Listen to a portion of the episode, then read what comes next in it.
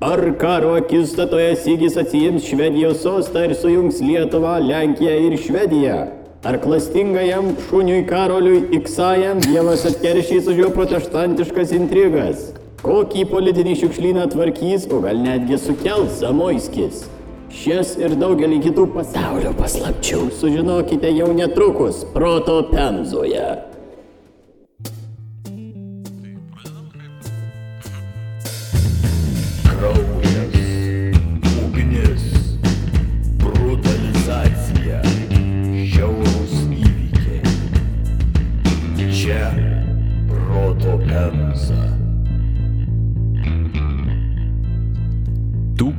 1598 rugsėjis.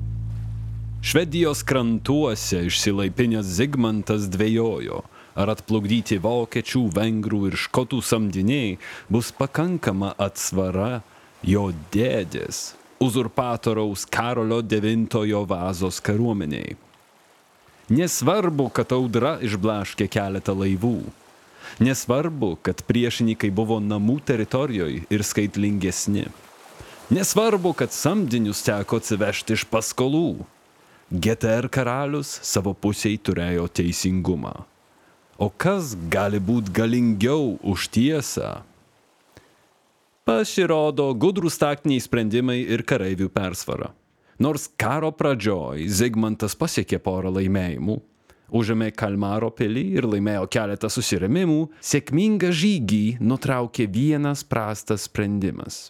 Po Stegeborgo mūšio jis nusprendė nesivyti sudaužytos švedų kariuomenės ir davė laiko persigrupuoti karoliui. Nors karolis buvo jau ant kapitulacijos ribos, jis pareiškė norą dėrėtis, kad išlošt laiko.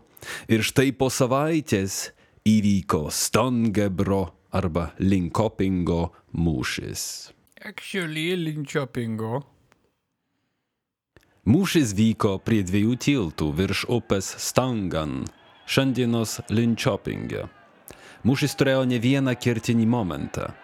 Iš pasalų ryto migloj puolusius švedus, dėrybų užmigdytą tautiečių budrumą, Zigmanto švedų reitelius, atsisakiusius kovot prieš Karolio švedų reitelius, bei tariamai priešo šnipą išsprogdinusi parako bačkas. Sigis, sekdamas įspūdingojo žodžlaužio Maksimilijono Habsburgo pėdomis, spektakuliariai pralošė, o vyšnukė, vainikuojanti šitą feilų tortą, tokia, kad dar davėsi sučiumpamas.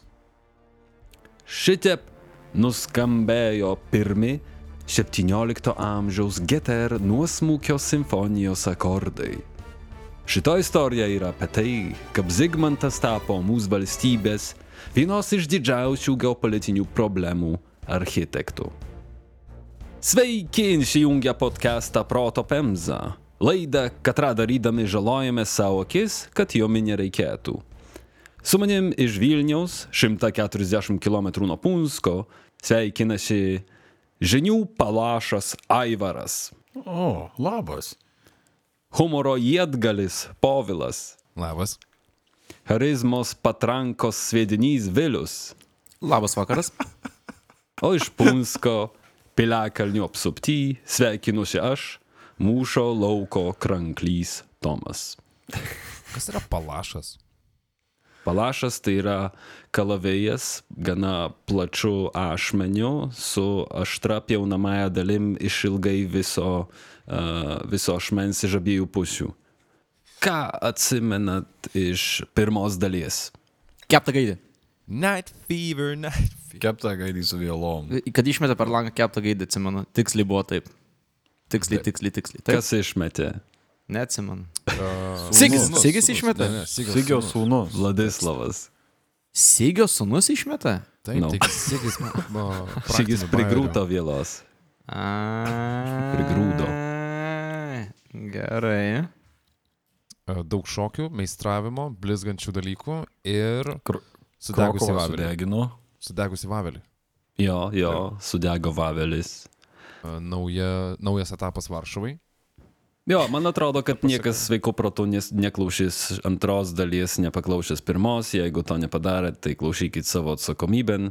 Bet Nes šitie lokai nepapasakoja nieko, ką turėjo papasakoti. Skip recap. ši čia ne mano dalis, čia jau jūs darbas turėjo būti. Ir, ir turiu perspėti dėl dviejų dalykų. Pirmas dalykas, kad šiandien bus daug mažiau sygio. Už tai, kad susikaupšim ties kontekstu ir brutalizacija Šiaurės fronte. Tai davai tada. O antras dalykas yra mm, bloga ir gera žinia. Tau reiks anksčiau išeiti.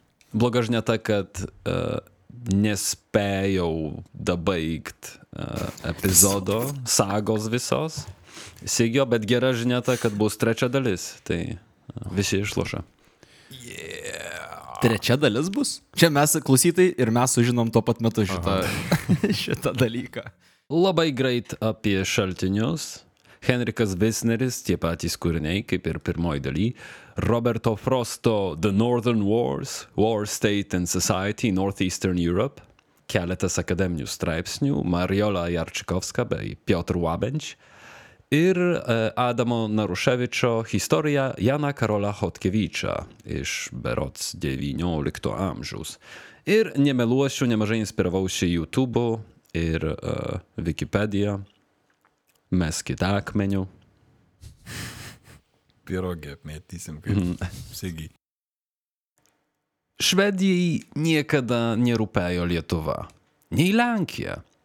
Ji apskritai vis dar buvo perdėm pragmatiška. Švedai viso labo siekė uždominuoti Baltijos jūrą.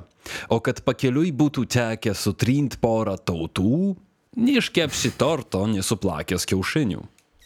O jie kažką galėjo trint? Jie turėjo ambicijas ir turėjo, turėjo to e, trinamojo potencialo. Bet jau berzerkeriai nebuvo jų kariuomenės dalis. Abejoju tum nebuvimu. Zigmanto vazos karas su gimtaja Švedija vyko su pertraukom iki 1629. Kokiu būdu politinė kompetencija nesutirštas Zigmantas sugebėjo tęst karą 30 metų?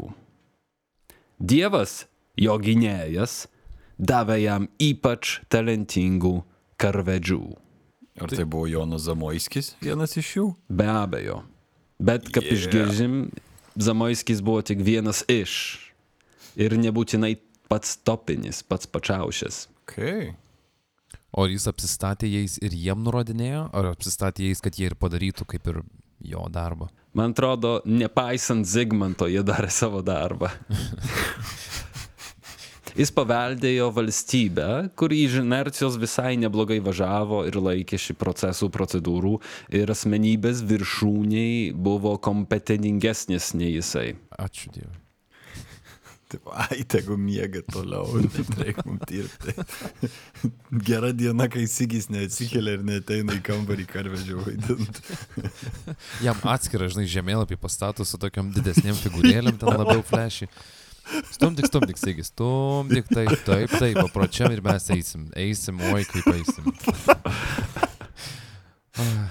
Ten tokį, uh, vieną ragį daug, žinai, tokių. Uh, Pauksuotą. Kauliukus plaka ranko ir metams tą.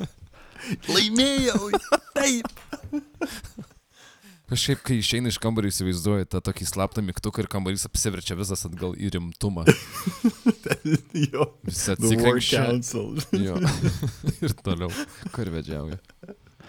Nu ir kaip matom, e, pirma jo ekspedicija invazija į Švediją pasibaigė spektakuliarų pralaimėjimu. Tai invazijos Švedijoje jisai turėjo būti architektas, ne? Ir ten netaip sustumdėtų savo vynaragius ant lentos galiausiai. Ne, jis nebuvo pagrindinis invazijos vadas, bet jis ten buvo dėl moralinės paramos ir savo autoritetą suteikti. Plus, šiaip tai buvo švedas ir šnekėjo švediškai ir ten turėjo visai nemenką paramą. Jo. Užvertėję pabuvo, ne? Lenkam. Užvertėjo. Švedam, vengram ir vokiečiam. Aigi, šešias kalbas mokėjo, atsiprašau, buvau pamiršęs iš ano epizodą. Švedijos karalius paleidžia Zigmantą. Sigis grįžta namo su uodega tarp kojų, kad mažam pagaliau susitvarkyt jovalą savo kieme. Tik kad mylimiausias dėdė Jovalo užveža jam dar daugiau. Tais laikais negalima buvo pradėti karo, o tep. Reikėjo kažkokio preteksto, vadinamo kazus belį. Preteksto karui. Ir tokį pretekstą, atrodo, su Kaspinu ir Balta staltišė Švedijos karalius gavo nuo Sigio, kai 1600-ųjų Seime jis kreipėsi į šlektą. Ne naujiena, kaip ir jūsų protėviams, svetimų karalius suimtas žemės susigražinti savo. Kitaip sakant, um, jis mėgino pakurstyti Seimą, kad uh, klausykit, Estija vis dėlto mums, į visą laiką priklauso mums, reikia tiesiog atsijimti ją, kaip skaitom pas Henriką Visnerį. Seimo metu, kovo 12 dieną Žygimantas inkorporavo Estiją. O, kad būtų tai padaręs dar būdamas Švedijos karaliumi. Zigmantas, dovanodamas kažką, ko neturėjo, pavertė vidinį vazų konfliktą tarptautiniu. Nuo šiol jo priešininkai ėmė kovoti ne už uzurpatorių, bet prieš svetimą valstybę, svetimą kariuomenę, svetimą religiją ir pavojų iš užsienio. Sigis prijungė prie abiejų tautų Respublikos Estiją. Žodžiu, atdavė kažką, ko neturėjo. Jaučiat skirtumą, kaip dabar valstybių santykiai klostosi. Jis tapo priešų saviem, jis atėjo ir prišiko į savo paties kiemą. arba daržą. Bet Estijos norėjo visi, tai jis tiesiog uh, pasiėmė. Jis nedurnas, jis žinojo, kad tai sukels karą ir jis sąmoningai norėjo įtraukti uh, Lietuvą, Lenkiją į konfliktą su Švedija, kad jau bajorai neturėtų kur dėtis, negalėtų priešytis. Bet tai toks smarkokas judesys. Aha. Ne, nebuvo mažesnių kažkokių priemonių, ką galima padaryti. Šetin ir pasi... Estija yra Livonija, ką mes dabar sakom, ar ne? Estija ir Livonija taip. Čia žinau, kad netikslu, bet uh, Nu, Stil, jis ateina ir pasiima gerą gabalą vien tam, kad sukeltų drakės. taip. Wow, kažkaip labai nesiderina su... Čia jam patarė kas nors, ar čia jis pats sugalvojo? Nes kažkaip su diskobolu nesiderina tokie... Uh, Aš jau matau, kaip tu jo paklausai ir jis patenkinti, a, pats sugalvojau. Daug pučiai pasakysiu. Negaliu tau atsakyti, ar jis pats sugalvojo, ar čia jo patarėjas kažkokias jam patarė, ale tai labai dera tiksliai su jo planais ir su jo kėslais. Negalėjo niekad susitaikyti su faktu, kad jis jau nėra Švedijos karalius. Nu, turėjau skaudėti, kai jį kaip ir uh, verbavę tam, staiga paėmė ir išspyrė. Tai čia, nu jo. Tai Sigis užjuda į Estiją ir pasiima Estiją. Kas tada?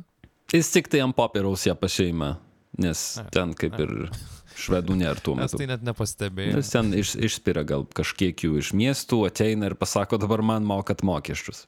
Okay. 1600-ųjų pradžioj Karolis IX pradeda invaziją Estijoje, užima Narvą ir Taliną, o tada 14 tūkstantinės švedų pajėgos teškina seilę žvelgdami į Rygą.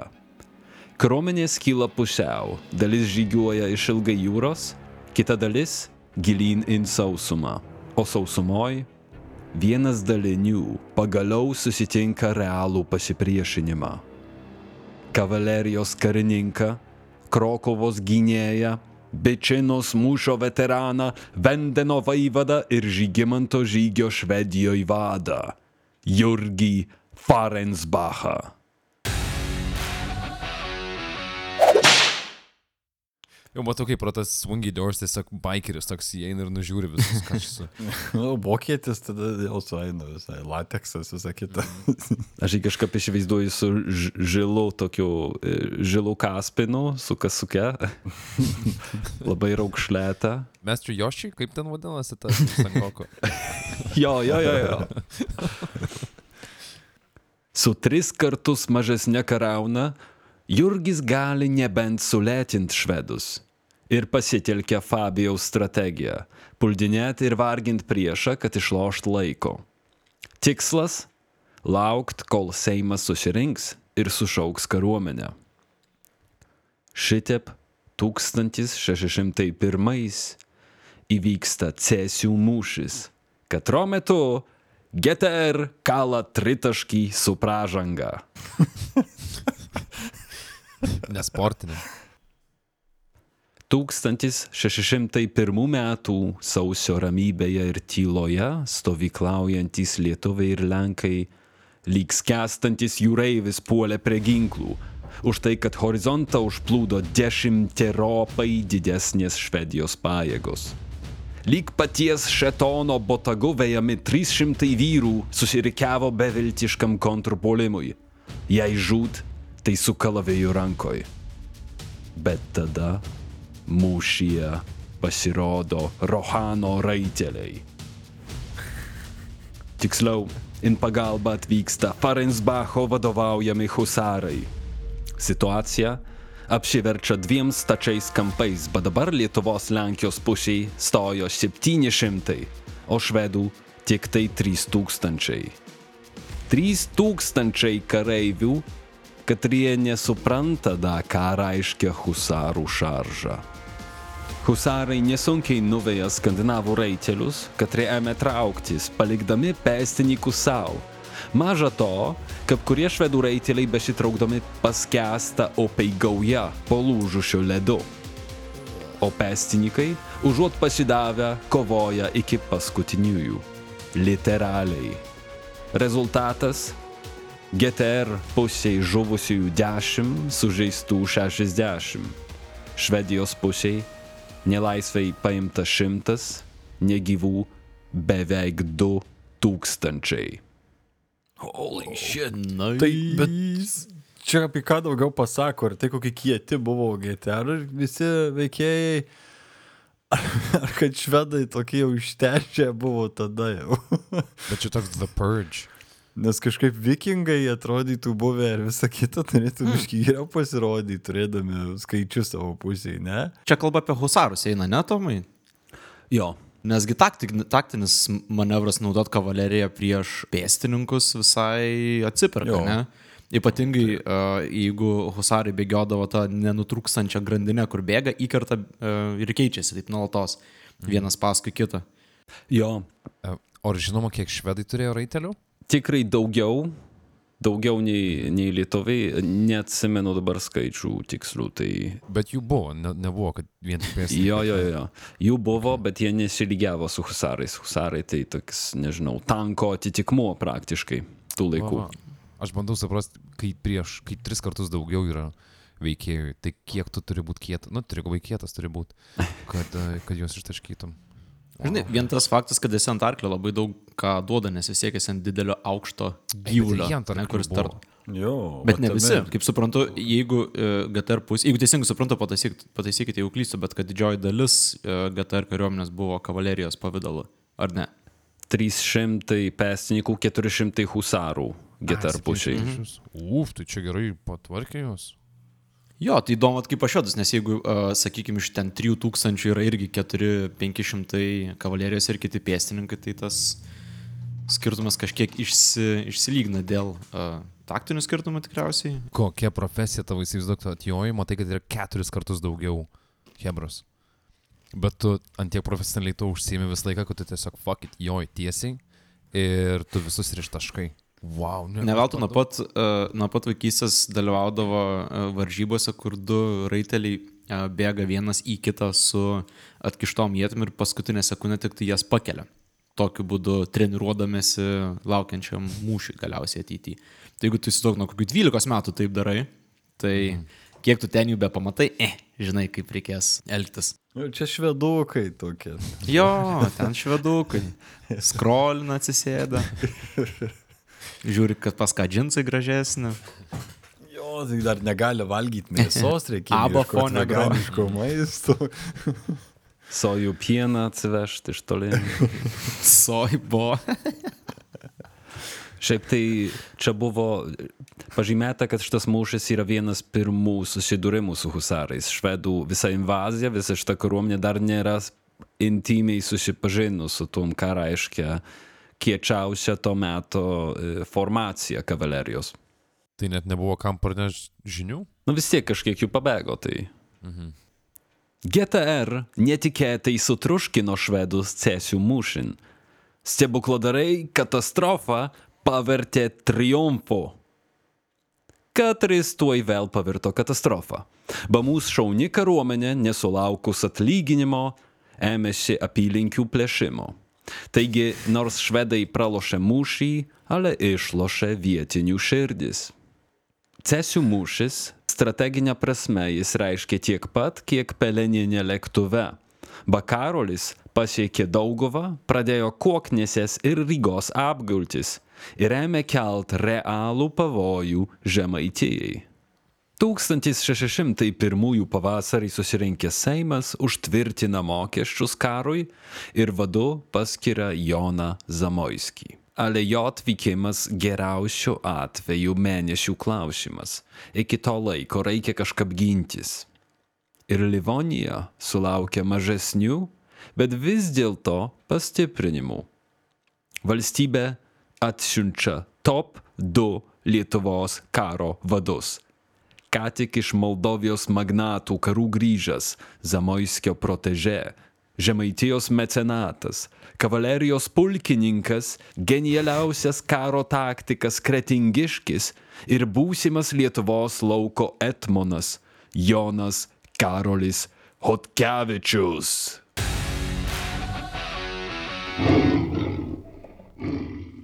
Iki kretingos galvojau, kad Vilių pristatinėjai, bet, okei.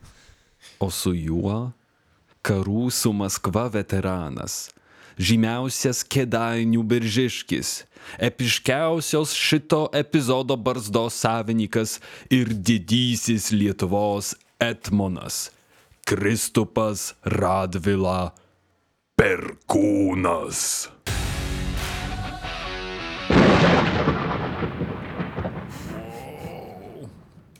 O jie patys susigalvodavo tuos nikneimus. Ne, Perkūnas gavo nikneimą. Va perkūnas tai, kai jopteli savo. Buvo Mykolas Kazimieras Radvila žuvelį. Žuvė. Žuvelė buvo, apie žuvelę irgi epizodą galima paruošti. Oi. Ale žuvelė buvo daug vėliau, čia jau daug maž arčiau Martino. Lenkiškas Nemo. O tu vis mini Etmonus, ar Etmono pareigybė buvo tokia dažna? Buvo du etmonai, buvo didysis etmonas ir lauko etmonas. Didysis buvo aukščiausias karinių pajėgų vadas, o lauko buvo tik vienu laipsniu žemiau. E, Lauko etmonas gynė e, valstybės sienų, o didysis etmonas jis jau organizavo visą kariuomenę ir e, dažnai jis eidavo į žygius į užsienį. Tai toks užsienio reikalų Etmonas ir vos ne vidaus reikalų vice Etmonas. Labiau kaip krašto apsaugos etmonas ir krašto taip, apsaugos vice etmonas. E, Perkūnas gavo savo pravardę dėl savo e, efektyvumo su raiteliais, su, su kavalerija. Jisai kaip perkūnas trenkdavo, viską nušluodavo. Kavalerijos blitzkrygas. Mm, jo. Ir abu šitie puikūs veikėjai tarpusavį sukrapštę 4000 kareivių galėjo imtis kūrybos. Tarp kitko, įdomi istorija už tai, kad Radvilų ir Hotkevičių giminė buvo, giminė buvo susipykus. Hotkevičiai berots tuo metu buvo patys turtingiausi, bet vėlgi turtas ne visai atitiko ambicijas. Radvilos tuo tarpu buvo kaip ir alfa šunės Lietuvoje. Ir natūraliai atsirado konfliktas už tai, kad perkūnas pasiėmė savo e, didžiojo Lietuvos etmono pareigybę. Atseit gavo tą pareigybę iš karaliaus, bet karalius tada mirė ir Radvila paskelbė apie e, karaliaus sprendimą tik tai vėliau, kelis mėnesius po karaliaus mirties. Hotkevičiai labai susinervavo už tai, kad e, jiem atseit žadėjo šitą titulą ir, nu, ir konfliktas. O Perkūno sūnus Jonušas turėjo susituokti su tokia Sofija Olelkaitė, kuri buvo Hot, iš Hotkevičių giminės.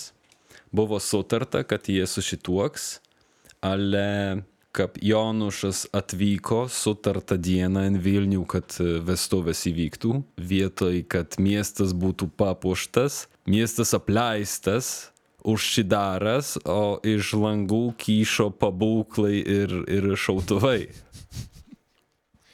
pasakė, ne, ne, ne, čia kažkas smirda ir pabėgo. Ir jau ruošiasi, abi giminės jau ruošiasi išsipjauti, jau ruošiasi karui. Ale paskutiniu momentu atėjo karaliaus įsakymas, kad vestuvės turi įvykti ir taškas ir nustokit jūs čia išsipiešinėt už tai, kad turim su švedais pašpjauti. Čia ne, ne laikas tokiam nesąmonėm. Tai karas suvienijo, ne? jo, Jau, kaip ir. jau matau, kaip visi užmiršta, kad norėjo mhm. pjautis ir atšoka gražiai vestuvės lyg niekur nieko. Bet šitas momentas, kada perkūnas su Hotkevičium atvyksta in, in, in Livoniją, čia yra dar prieš tą incidentą su Jonušu ir e, Sofija. Taigi, iš laimėto kuoknesės mūšio galima buvo išspaus žymiai daugiau, jei ne vėlgi skolos. Lietuvos kariuomenė nesulaukus pinigų išsivaikščiojo o perkūnas dar susipyko su Hotkevičium, dėl ko kariuomenės kilo individualis. Jeigu jums dar trūksta argumentų, dėl ko reikėtų sustoti, tai pridėkim, kad pas lietuvius inšižybė epidemija. Šokio? Šo. Man atrodo, perkūnas e, buvo absoliučiai uždraudęs šokius savo kariuomeniai. Jam barzda neleido, jis tiek e, tieškėjo testosteronu, kad... Um, Ar šokiams buvo uždėtas talibanas? Va, va. sunkioji artilerija išėjo į trasą. Pavlai atsargiau su savo masinio juokinimo ginklais. Mhm. Ale, Švedija, kad ir galvus ant kaulus nepasiduoda. Karolis IX išlėkė pajėgų į Švediją ir dar išsitraukė Tūzą iš Giedro dangaus, Olandą Joną iš Nasau, kad jis tučtojau imasi reformuoti švedų kariuomenę.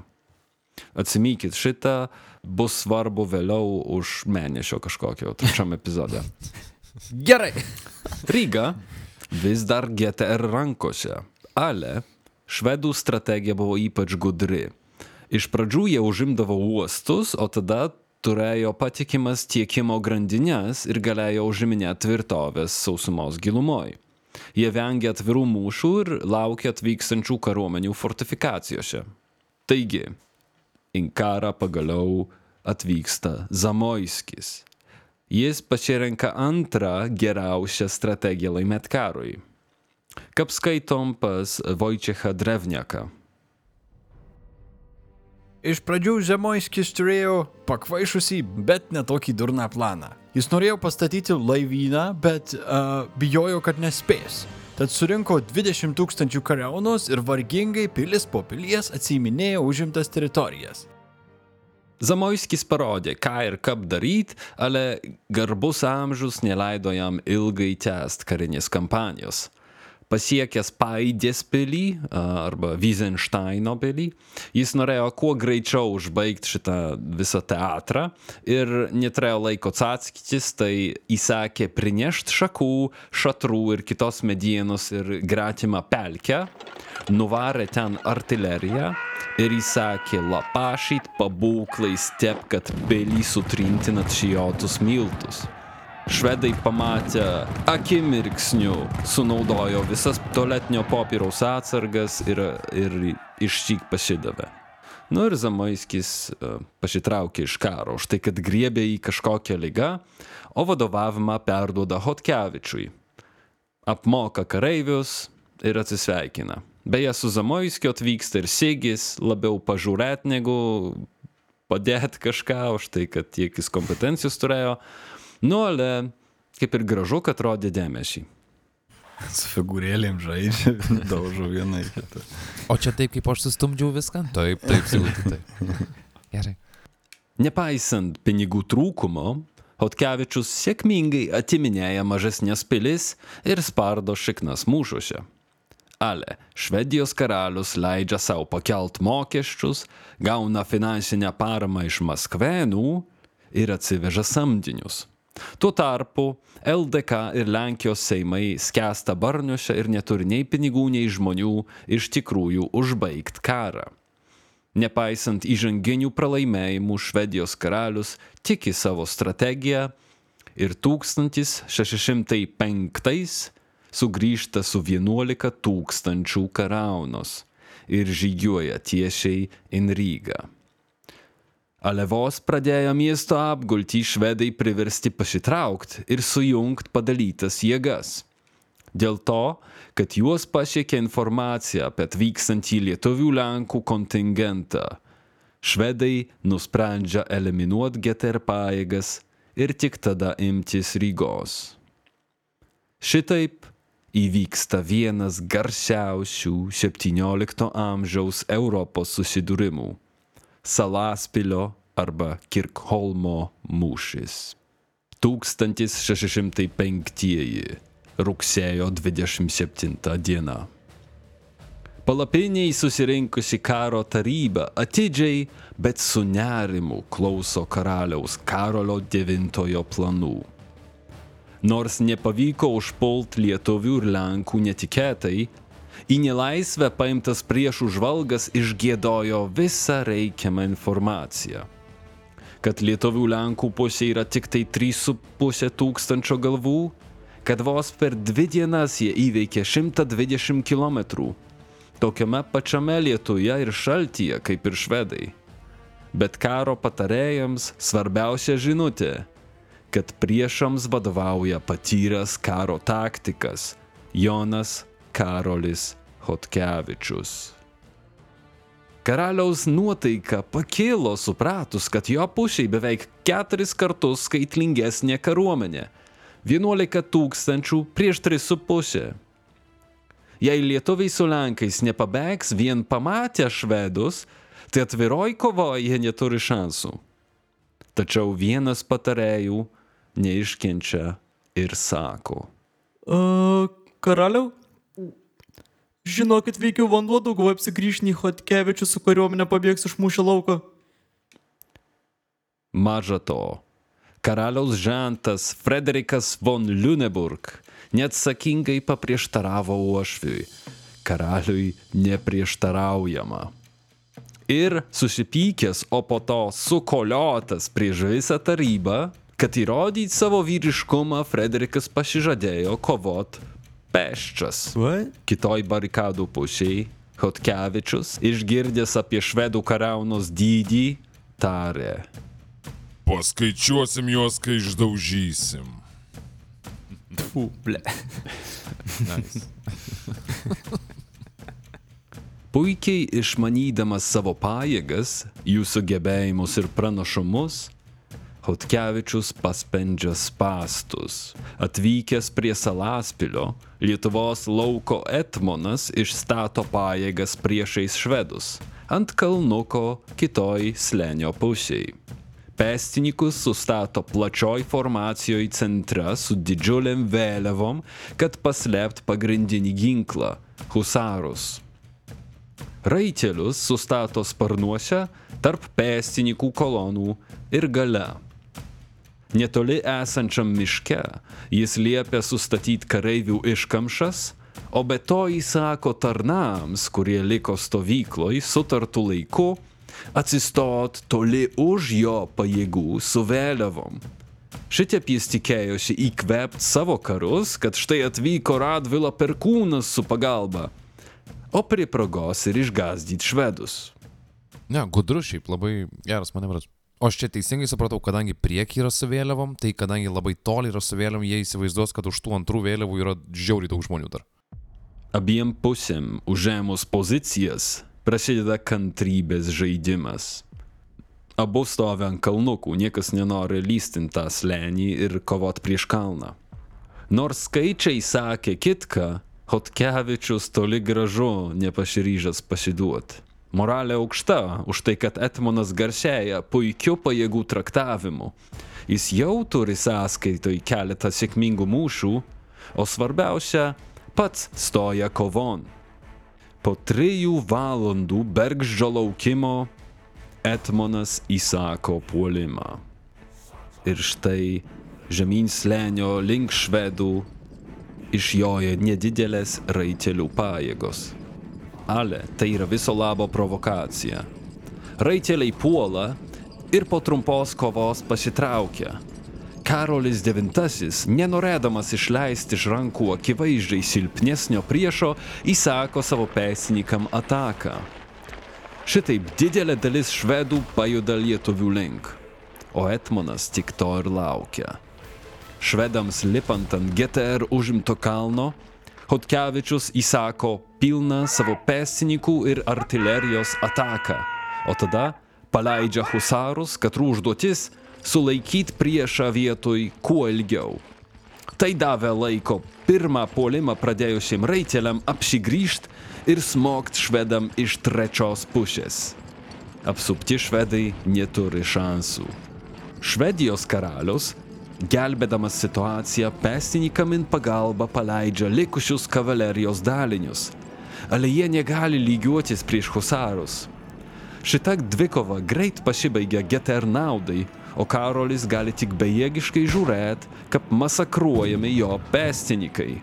Jis negali efektyviai paleisti rezervų, už tai, kad visų likusių švedų pajėgų manevringumą blokuoja iš mūšio lauko bėgantys karai.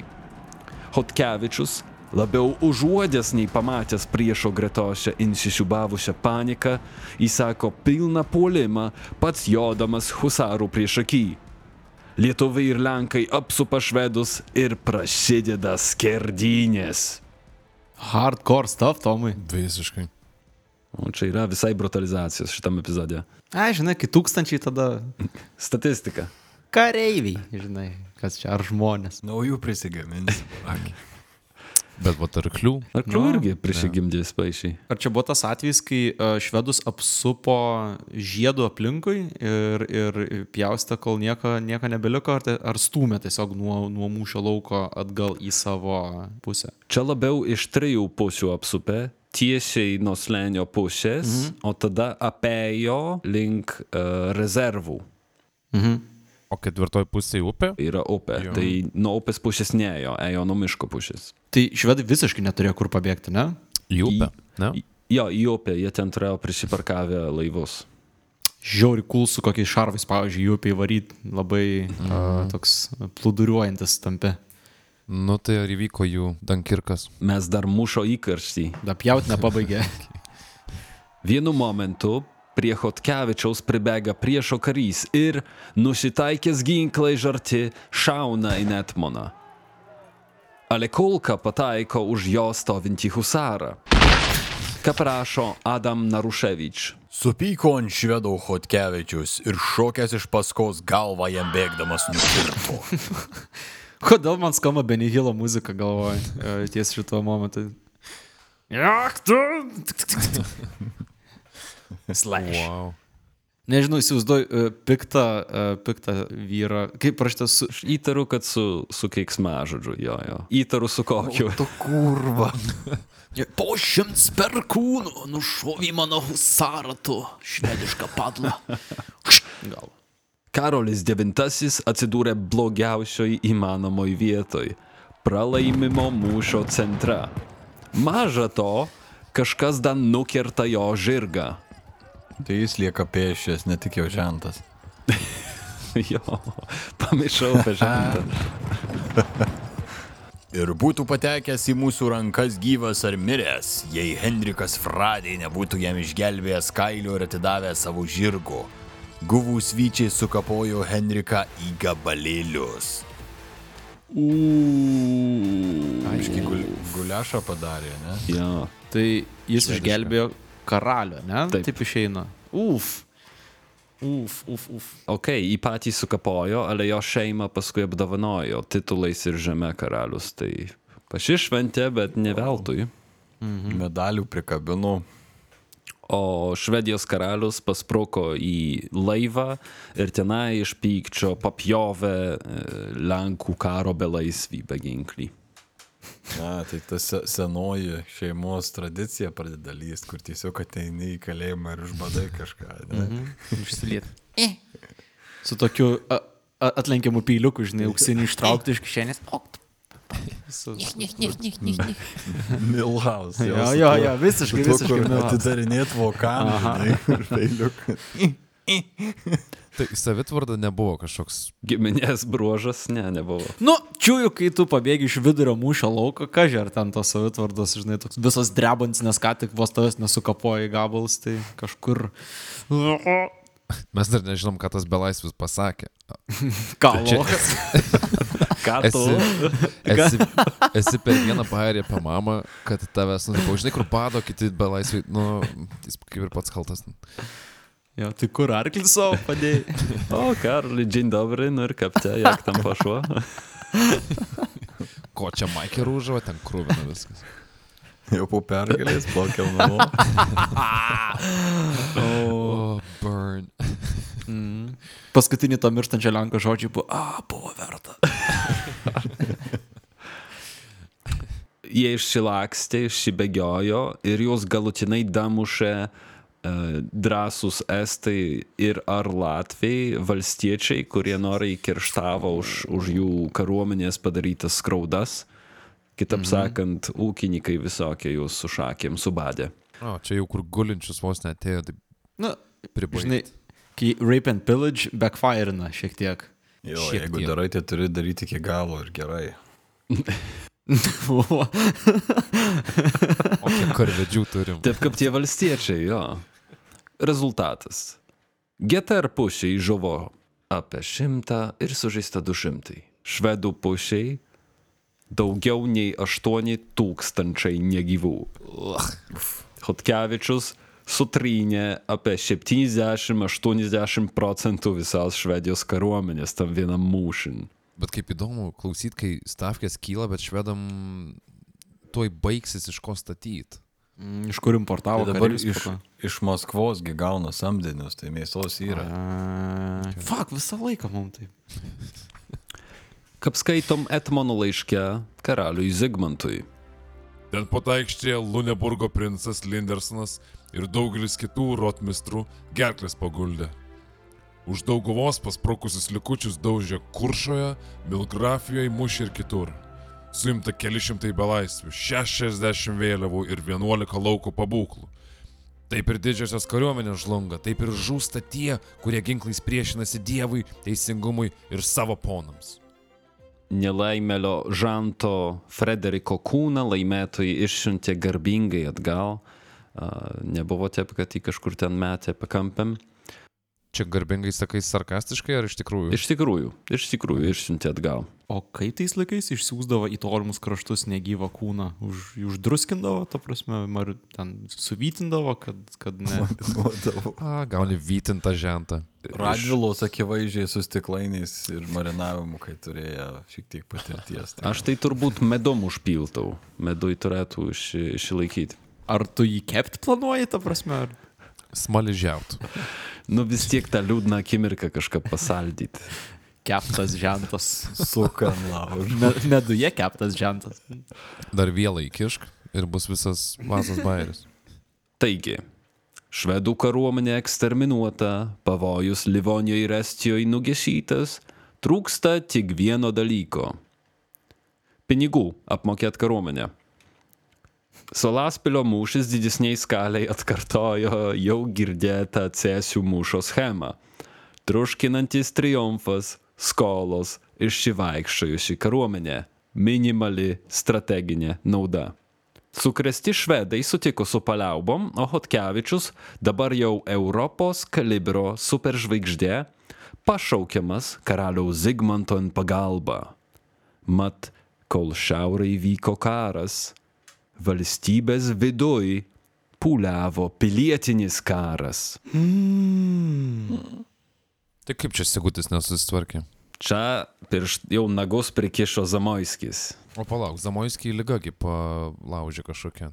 Jo, jis buvo lygotas, neturėjo kantrybės ir sveikatos karo žygiam, ale, nu, jis buvo dar gyvas. Iš pilies padėlą varint išėjo. Klausimas visiems Led Zeppelin fanam. Kas būna, kad pylimas trūksta? Verksmai nepadeda, maldos negelbsti. Tokiu žygimanto pylimu buvo iš pradžių nekenčiamas, ale po to pradėtas gerbti Jonas Zamoiskis. Jisai saugojo karalių nuo radikalesnių bajorų. E, Pala, ką turiu menį, uh, saugojo karalių nuo radikalesnių, ta prasme, kad sig, Sigučio ne, medum neapipiltų ir neišsiųstų kur nors, ar... Visą laiką buvo kažkoks pasipriešinimas Zigmantui.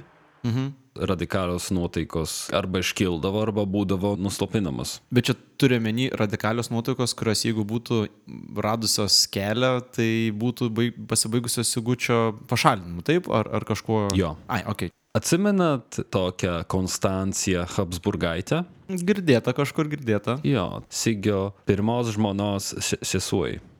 Konstancija tapo labai komplikuotų įvykių katalizatorium. Bajorai sužinojo apie karaliaus planus apsižanyti antrą kartą, neblogai užsirūstino. Viena, kad nori apsižanyti su savo buvusią švogerką ir da vokietę iš Habsburgų, o kita, kad planuoja vakarietišką madą invest absolutizmą. Ir aišku, kab bėda, tai visi staiga tampa Zamoiskio draugais. Nu ir ką Zamoiskis padaro? 1605 metų Seime režia kalbą, katroj iš pradžių švelniai mėgina perkalbėti Sigį.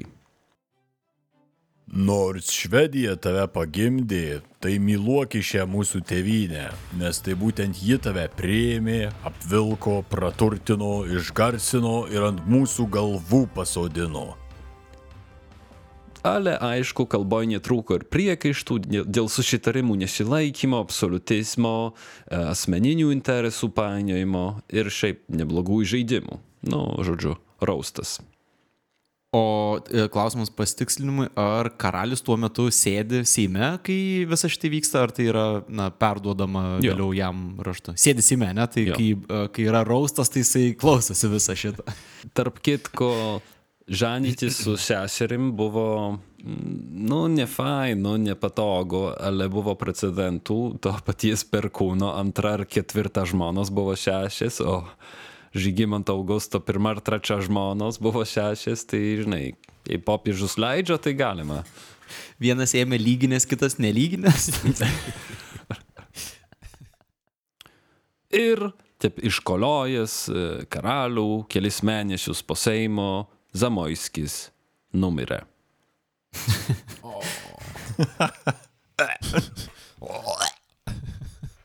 Ale Seime išsakyti žodžiai aidėjo bajorų galvoše, kaip telefono skambutis šachmatų turnyre. Tokiu būdu 1605 prasidėjo karaliaus valdžios erozija. Šlekta da mėgino su juom tartis, ale veltui. Ir jau kitais metais įvyko vadinamas Rokošas, tai yra karinis sukilimas. Jo tikslas buvo stabdyti e, vazos absolutistinius kesinimus, išplėsti bajorų privilegijas, išvaryti jėzuitus iš svarbių respublikos postų, o galbūt netgi ir nuverst karalių. A, ne, visa karaliaus institucijos arba visos valstybės, nežinau, ta erozija, kaip sakai, prasidėjo po Zamoiskio mirties. Taip? Jo, čia jisai taip režė neblogai ir suteikia amunicijos ir motivacijos tiem radikalam pagaliau imtis veiksmų, ypač kad pasimirė jam, tai iš vis nebuvo kam stabdyti. Čia toks atrodo kaip gavosi, ai, tai galima vadinasi taip kalbėti, ne? Panašiai, jo.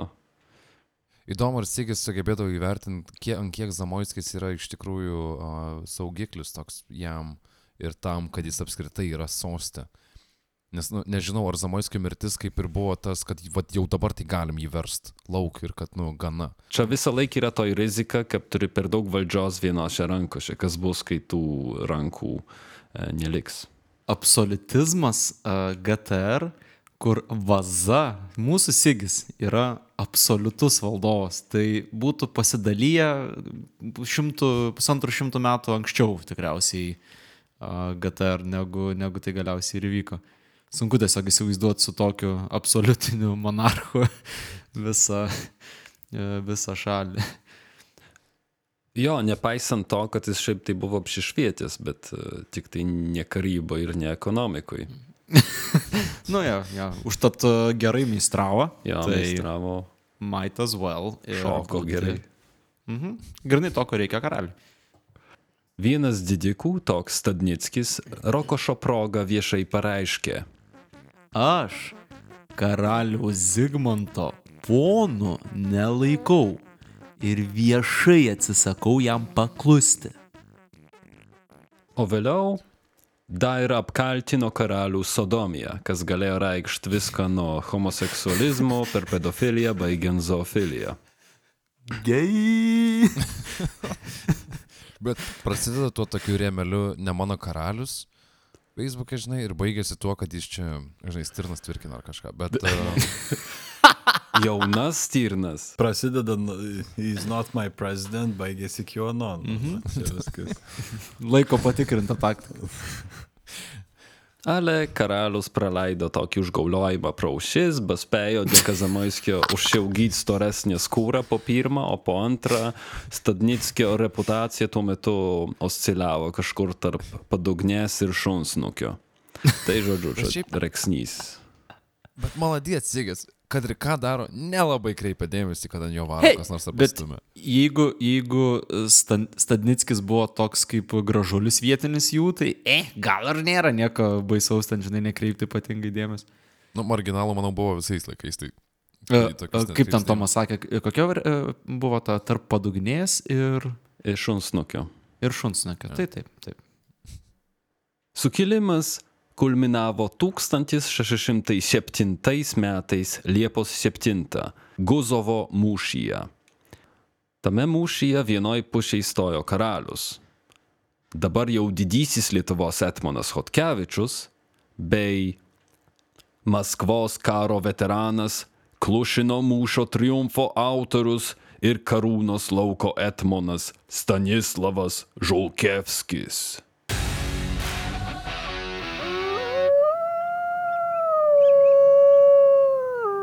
O kitoj pusėj maištautojų vadas, Zamoiskio draugas ir Krokovos vaivada Mikalojus Zabžidovskis.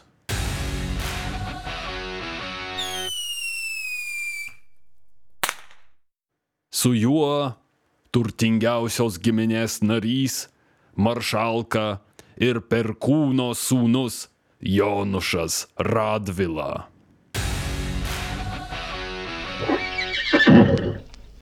Bei pirmasis GTR Hamas, siaubingas rasbainikas ir Laincuto teroras Stanislavas Velnias Stadnickis.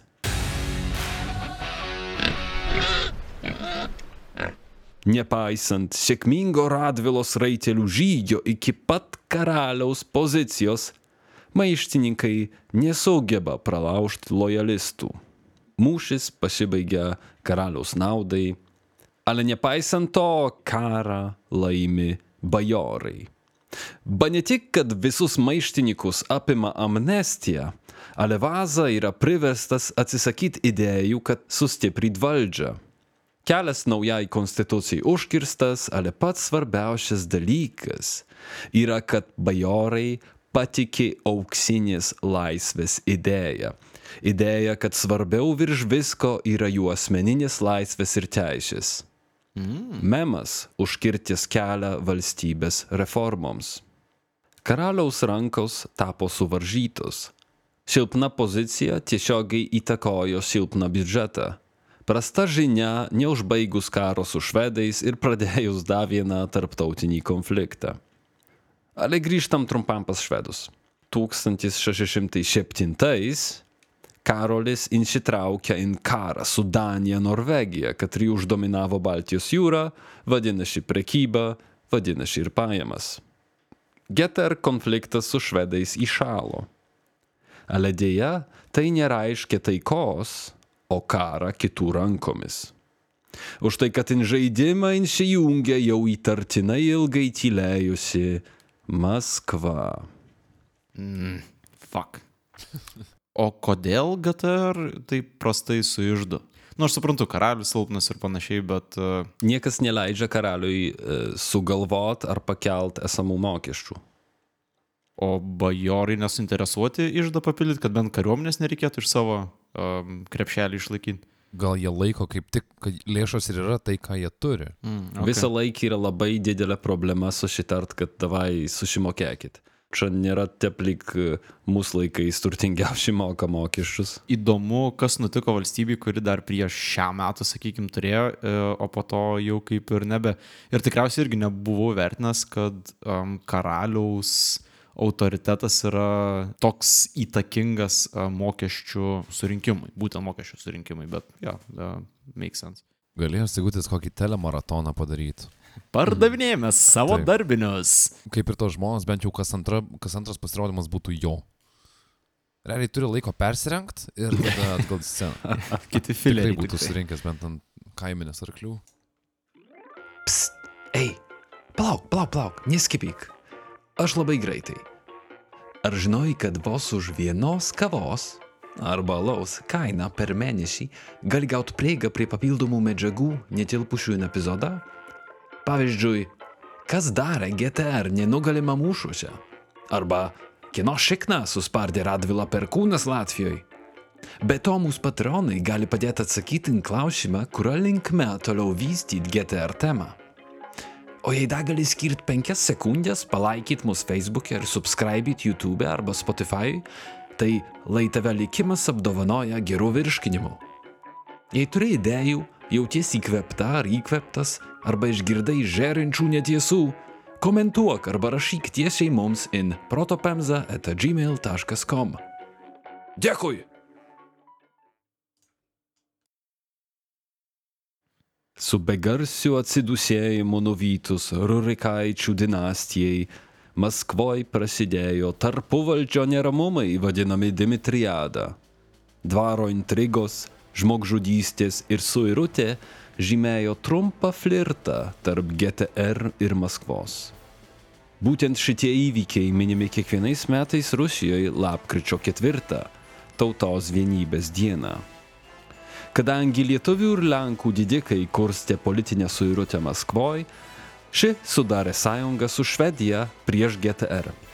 Atsiverė frontas rytuose, ale švedams susitarimas greit nustojo apšimokėti ir tuoj patys pradėjo savo karą prieš Maskvą. Su velniu buliauti šiai. Patikimi uh, sąjungininkai. Labai stabilus visą laiką taip ir daro. 1610 Karūnos lauko etmonas Stanislavas Žulkevskis sutruškina penkis kartus didesnės Maskvos Švedijos pajėgas. Ir tada Etmonas, nepasitaręs su karalium, pasirašo paliaubą su Maskvos bajorais. Sutarties esme visos Maskvos karalystės sostą apima Vladislavas IV Vaza, su sąlyga, kad karūnavimas įvyksta pagal pravoslavų tikėjimą. Tai palauk, Maskva pralošė save? Bet palauk, penkis kartus di- didesnės paėgas. Tai čia daugiau man lyg apie švedus pasako, ne apie GTR. ta prasme, Bet ten kartu ir failint- maskvienai buvo su... Jo, bet šitaip feilint nuolatos su baisinėm paėgom. Nu, ką galiu pasakyti, husarai. Šiaip tai Klušino mūšis yra e, turbūt vadovėliuose militaristiniuose, nes ten buvo aukštoji matematika ir poezija, ką jis ten išda, išdarinėjo su tais raiteliais ir su apkasuose šedinčių priešų. Ok, o tai kas buvo pralošta? Maskvos sostas? Žulkevskis mato galimybę ir sako, davai, Maskvos karalium, caru tampa Sigio sūnus. Ir Maskva sako, ok. Bajoram jau užtenka tų skerdinių, užtenka tos Dimitriados, kuri vyksta jau entus metus, kur e, vis ateina naujas valdovas, nunuodijęs arba pakirtęs ankstesnį, kur jie ten ateina su savo kariuomenėm ir pradeda pjautis ir išpjaudinėti miestus vieni kitiem. Nu ir čia yra absoliutus bardakas. Tai jie outsourcino carą. O ką daro dabar GTR? Nu, tą patį. Laisvoji elekcija. Aš šiaip tikėjausi iš Maskvos daugiau. Po to bus Pasilaužė. keli šimtus metų. Deliverance. ir visa tai yra nepasitarus su Sigi. Nepasitarus, bet tokių kalbų įžanginių jau buvo tuo metu, jau iki mūšio. Atidavė sūnų karalius, realiai. Lietuvą, Lenkiją ir Maskvą ir galimai Švediją valdytų ta pati dinastija, netgi tas pats žmogus realiai. Nice. Alternatyvi istorija įdomi turėtų būti šitoje vietoje. Henriko Visnero citata. Zigmantas Vaza dar kartą garantavo cerkvės teisės. Kaip rašė Leonas Sapiega, Kalbant apie jų tikėjimą, jo karališkoji dizenybė žadėjo visą ją išlaikyti. Karalius sutiko, kad sūnus apimtų Maskvos karūną, tačiau leido jam išvykti į patriarcho vedamą karūnavimą tik kai valstybėje bus sugražinta taika. Tai formaliai leido, ale praktikoje Sigis trypčiojo vietoj, myščiodamas į ranką ten, kur reikėjo greitų sprendimų. Kol galimybių langas užsidarė. Galų gale Zigmantas III nusprendė, kad pagrindiniu, jei ne vieninteliu bajoro tikslu yra laimėti laiko. Jis mane, kad bajorai iš tikrųjų kursto gynėjų pasipriešinimą ir jų veiksmai prieštarauja jų žodžiams. Įsakė dėrybų nutraukimą, pasiuntinių įkalinimą ir išvežimą į Lenkiją. Paranoja tokia, piškinė, kai nevaldai situacijos. Tai pala, aš dabar suvirškint bandau šitą informaciją, tai vietoj to, kad a, pasirašytų unija, sakykime, tarp keturių vos ne didelių to meto žaidėjų, jis pagalvoja, žinai, aš geriau bajorus išsiųsiu laukan, ne? Trijų žaidėjų, ne keturių, bet jo, iš esmės. A, LDK ir a, Lenkija. A, Ir Maskva. Galvoj, taip. O į Švediją neatsakėjai, kad... O Švedija, dar, o Švedija tų mo momentų kariauja su Maskva ir su Ai, okei. GTR. Nu, vis tiek, bet kuriuo atveju, tai vietoj to, kad tris e, sujungtų į vieną di didelius žaidėjus, jis nusprendė saviškius išsiųs laukan. Jo. Nu ir ką. e, Cool. Buvo tame gal kažkokia logika už tai, kad tuo metu e, Lietuva, Lenkija buvo labai stiprioj pozicijoje. Jį realiai čia yra tas laikas, kada dasibeldė iki Maskvos vartų ir, ir e, šluostėsi batus jų cerkvėse. Užimt priešo sostinę čia jau yra, čia yra kažkas, čia yra labai stipri e, dėrybinė pozicija. Ar nėra tai paskutinis kartas, kai Maskva iš viso užimta buvo svečio kokio nors? Nežinau, aš, bet paskutinis kartas, kada mes buvom užėmę. Kol So kas. far. Taip. Jo, iki šiol. Karas su Maskva pasibaigė 1618.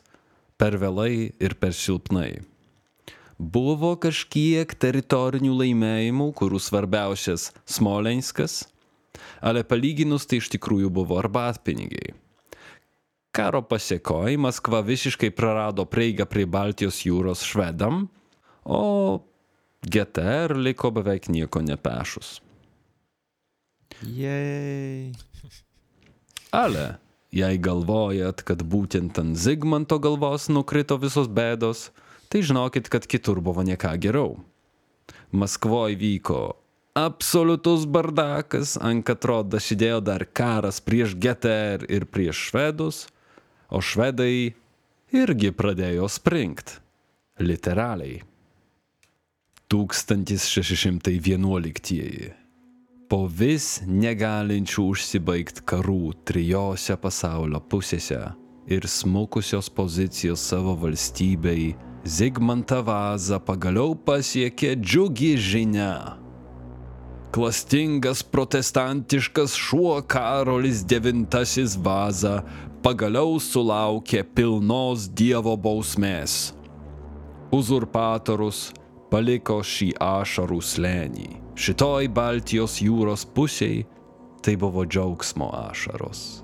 Du paskutinius gyvenimo metus Karolis buvo dalinai paralyžiuotas dėl ištikusio insulto. Ale iš tikrųjų tai buvo netikėta palaima.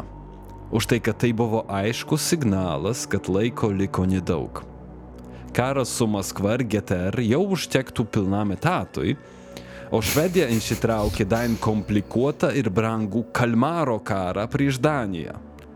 Karolis IX skyrė jam šitoj žemėje likusį laiką, kad perduot maksimaliai kuo daugiau žinių ir kuo daugiau valdžios savo sūnui. sūnui, kurio vardas drebins visos Europos valdovus. In Švedijos sostą iškyla Gustavas II Adolfas. Bad company.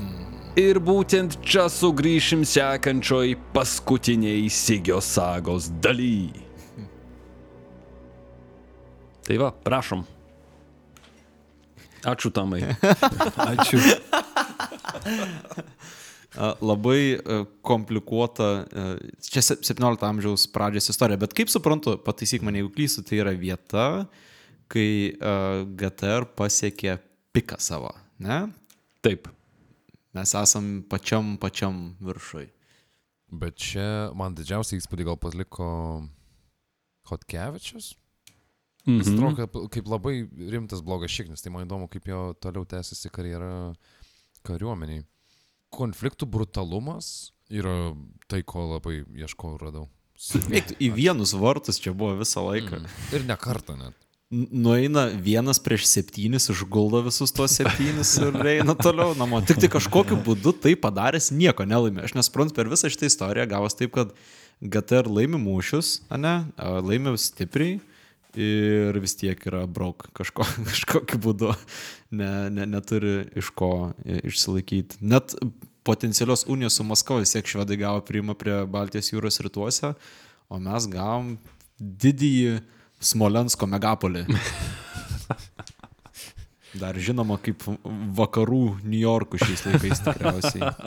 Man tai irgi viso epizodo metu visų pirma, kad žiauriai sudėtinga ir kompleksiška. Man dar prireiks laiko, kad susivyriškintų, nes aš prisipažinsiu, ne, ne, turbūt per mažai žinau apie laikotarpį. Man irgi yra įstrigę tai, kad blemba su mažesniem pajėgom daužydami tuos sisi į švedus vis tiek nesugebėjom nieko iš to išlaužti. Tai iški gaila, nu bet ką dabar.